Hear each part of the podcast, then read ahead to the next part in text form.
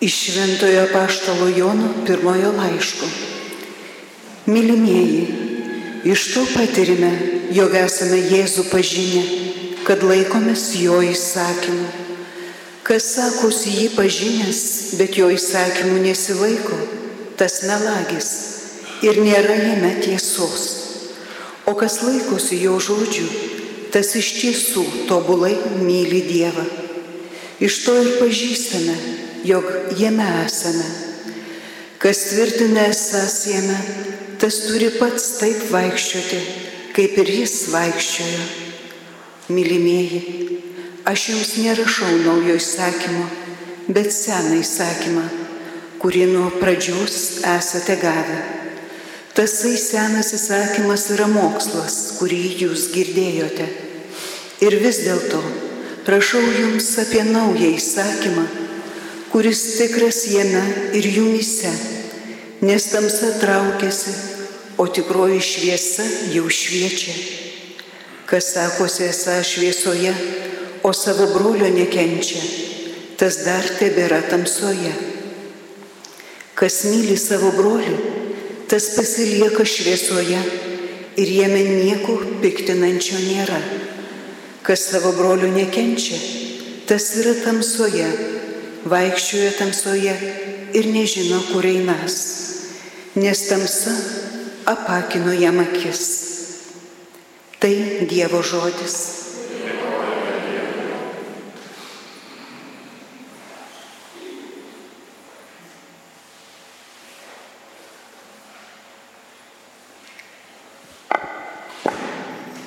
Tesidžiaugia dangus, te krikštauja žemė.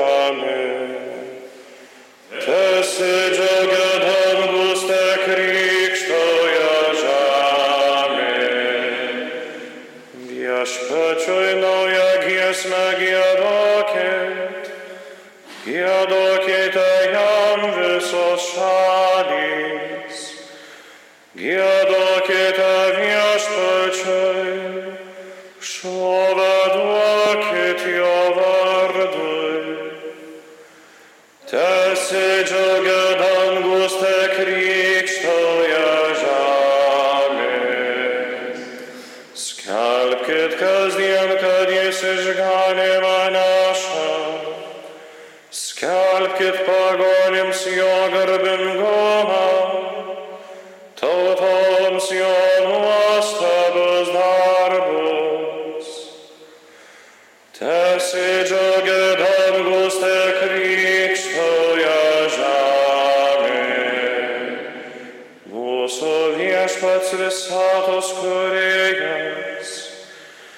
kilnijo didybė ir grožis, galingas ir spindintis sostas. Tesidžiaugia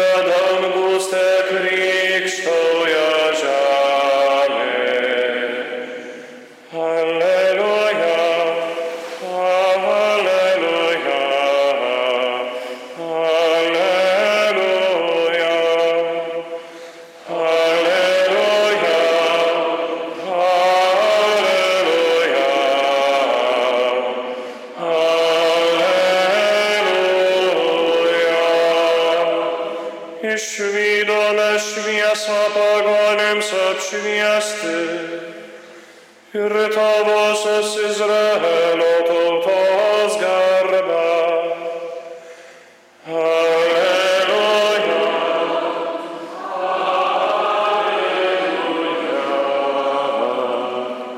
Alleluja.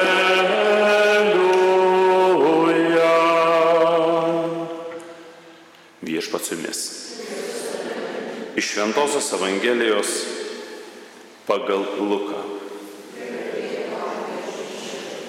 Pasibaigus Mozės įstatymo nustatytoms apsivalymo dienoms, Juozapas ir Marija nunešė Jėzų į Jeruzalę paukoti viešpačiui, kaip parašyta viešpaties įstatymą.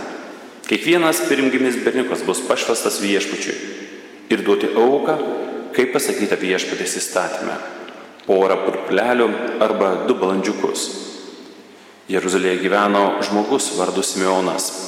Jis buvo teisus ir Dievo baimingas vyras, laukiantis Izraelio paguodos ir šventoji dvasia buvo su juo. Jam buvo šventosios dvasios apreikšta, kad jis nemirsęs, kol pamatysęs viešpaties mesiją. Šventosios dvasios paragintas jis atėjo dabar į šventyklą, įnešant gimdytojams kūdikį Jėzų, kad pasielgtų kaip įstatymas reikalauja, Simeonas jį paėmė rankas, šlovino Dievą ir sakė, dabar gali valdovę, kaip buvai žadėjęs, leisti savo tarnui ramiai iškeliauti, nes mano akis išvydo tavo išgelbėjimą, kurį tu parengiai visų tautų akivaizdoje, šviesą pagonėms apšviesti ir tavosios Izraelio tautos garbę. Kūdikio tėvas ir motina stebėjusi tuo, kas buvo apie jį kalbama. O Simeonas palaimino juos ir tarė motinai Marijai. Štai šis skirtas daugelio Izraelėje nupolimui ir atsikelimui. Jis bus prieštaravimo ženklas ir tavo pačios siela pervers kalavijas, kad būtų atskleistos daugelio širdžių mintis. Tai viešpatė žodis.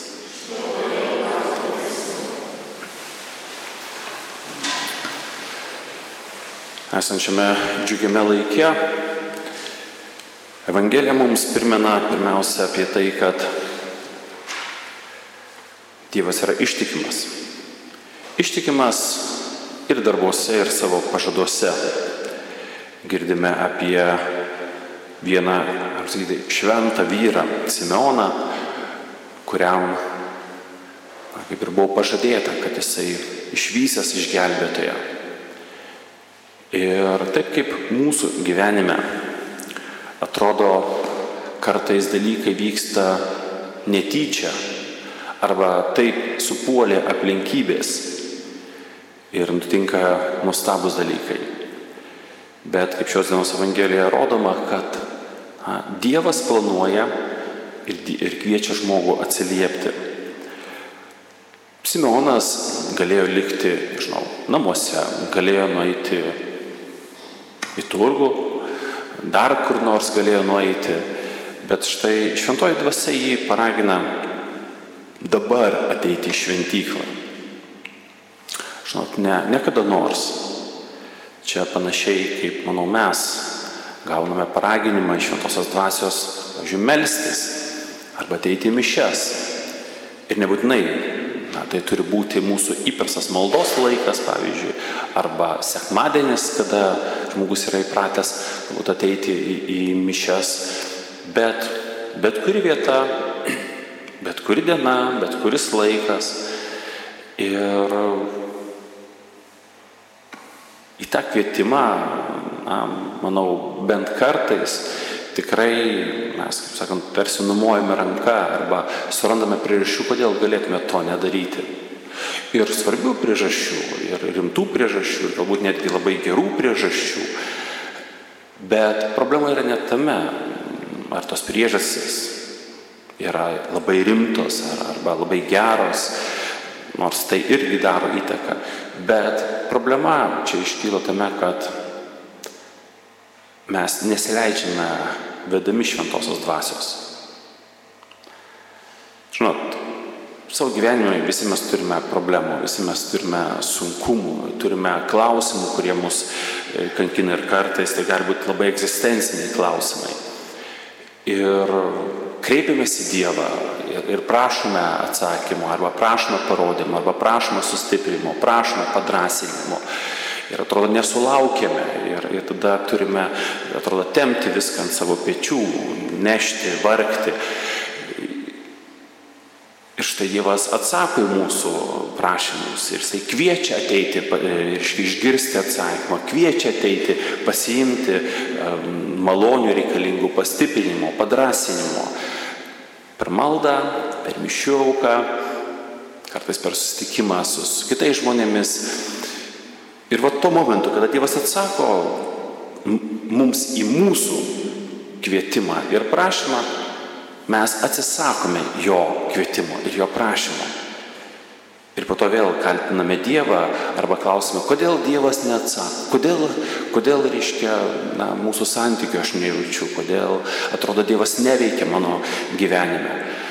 Na, dažniausias atsakymas yra, savaime aišku, mes negalime matuoti Dievo veikimo pagal tai, kaip mes jaučiame, grinai pagal jausmus, bet esminis dalykas, kad Dievas veikia visą laiką laiku. Problema, kad dažnai mes net pažįstame to laiko, e, nepasiduodame tam vedimui ir tam ėmimui. Bet kai skaitome į šventą raštą, kai skaitome e, šventųjų istorijas, matome, kaip tas vedimas, kaip tas kvietimas yra svarbus. Gera na, ir palaiminga yra, jeigu šalmais yra kažkas, kas gali priminti. Tai pavyzdžiui, šeimose vyras žmonai, žmona vyrui, o galbūt vaikai tėvams, nu, savaime aišku, tėvai vaikams, apie tą vedimą arba apie tą kvietimą kurį bažnyčia mums na, siunčia, kurį Dievas mums siunčia. Kartais mes galime to kvietimo negirdėti dėl pačių įvairiausių priežasčių. Kokie, man atrodo, dainoje ten yra panašus žodžiai, kai sako, na, jeigu šviesa tavyje yra tokia, tai kokia baisi yra tamsa. Tai dėl vienų arba kitų priežasčių iš tiesų mūsų vidinės ausis gali būti truputėlį apskretusios užsikimšusios. Maža kas gali būti nutikę ir mes galime negirdėti, kaip Dievas mus kviečia, norėdamas mums padėti, norėdamas mums pagelbėti. Ir tada tie, kurie yra šalia mūsų, gali būti tie šaukliai. Problema yra, kad neretai tas dvasinis gyvenimas, nemaldos gyvenimas, net ir tikinčiose šeimose yra, na, tarsi individualus dalykas tarsi nelabai patogu kitą raginti, pavyzdžiui, ateiti į maldą arba nueiti pasimelisti, jeigu tai išpuola iš tradicijos, kur yra šeimoje. Bet, na, nežinau, jeigu, pavyzdžiui, jūs negalite na, prisiskambinti savo, na, pavyzdžiui, artimiesiems ir žinote, kad jie turėtų būti namuose, o ir labai reikia, tai yra labai skubu, tai yra labai svarbu. Tai, na, ir negalite patys atvykti. Tai greičiausiai bandysite skambinti tiems, kurie yra šalimais, tiems, kurie galbūt galėtų ateiti ir pasibelsti į duris. Ieškosite būdų, taip ir Dievas, kai mes patys neišgirstame, e, kam ir kur jisai kviečia, jisai tada bando per mūsų artimuosius kviesti ir raginti. Juk, žiūrėkite, jeigu piktasis šitaip veikia, sakant, beldėsi kartais tiesiai, bet kartais galvoja, hm, tiesiai nelabai pavyksta, kažkaip ten truputėlį ta dvasia gerai veikia. Pabandysiu per artimuosius. Tai galvojate, kad Dievas taip neveikia. Dievas dar labiau taip veikia, nes mes visi esame vienas kūnas. Mes visi esame susiję. Ir tos malonės, kurios e, yra skirtos tam žmogui, kurios skirtos, pažiūrėjau, jums, yra skirtos ne tik jums, bet ir tiems, yra, e, kurie yra šalimais. Todėl Dievas labai drąsiai kviečia į tą bendradarbiavimą ne tik tai mus, bet ir tuos, kurie yra šalia mūsų. Nes mes einame kartu, mes esame atsakingi vienas už kitą.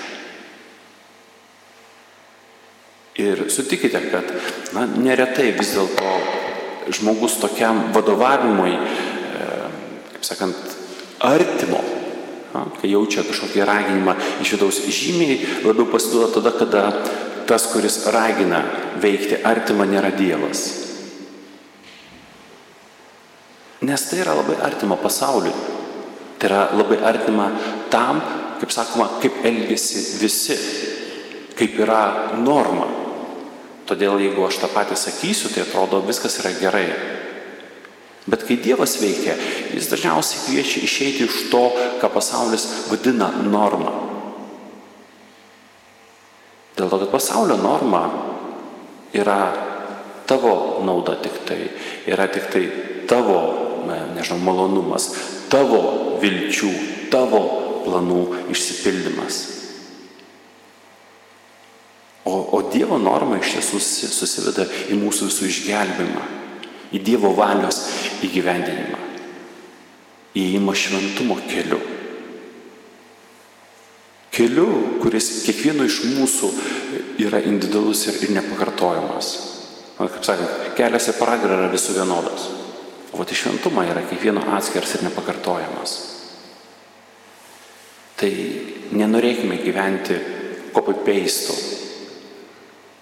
to, kad nieko gero nebus. Stenkime gyventi tą unikalų gyvenimą. Tiek patys bandydami išgirsti tą kvietimą, kurį Dievas mums kiekvienam yra paruošęs. Tik lygiai taip pat, jeigu jaučiame šventą raginimą dėl kito, kartais paraginimas, kad kitas kažką darytų, o kartais paraginimas, kad mes už kitą kažką padarytume, irgi tai atsiliepti. Kai mes pasiūlome kitam pagalbą, juk kitas taip pat lieka laisvas atmesti tą pagalbą, nepriimti mūsų kvietimų. Jis, yra, lieka, jis lieka laisvas. Bet jeigu mes nepasiūlysime tada, kada Dievas mus kviečia, galima sakyti, jo laisvė bus apribota dėl to, kad jis neturės laisvės rinktis, nes nebus iš ko rinktis. Tai, ką turės pasirinkimui, bus ne iš Dievo. Tai šiame džiaugsme prisiminkime, kad ta, kuo daugiau tą džiaugsmų dalinamės, kuo daugiau tą šviesą, kurį mus ateina dalinamės, tuo daugiau bus šviesos ir mumise, ir mūsų aplinkoje, ir visame pasaulyje. Taigi, kaip sako Jėzus, yra ta šviesa pagonėms apšviesti. Tai pagonėms ne tik tai tiems, kurie yra nekrikštyti, bet kurie ir gyvena kaip pagonės. Amen.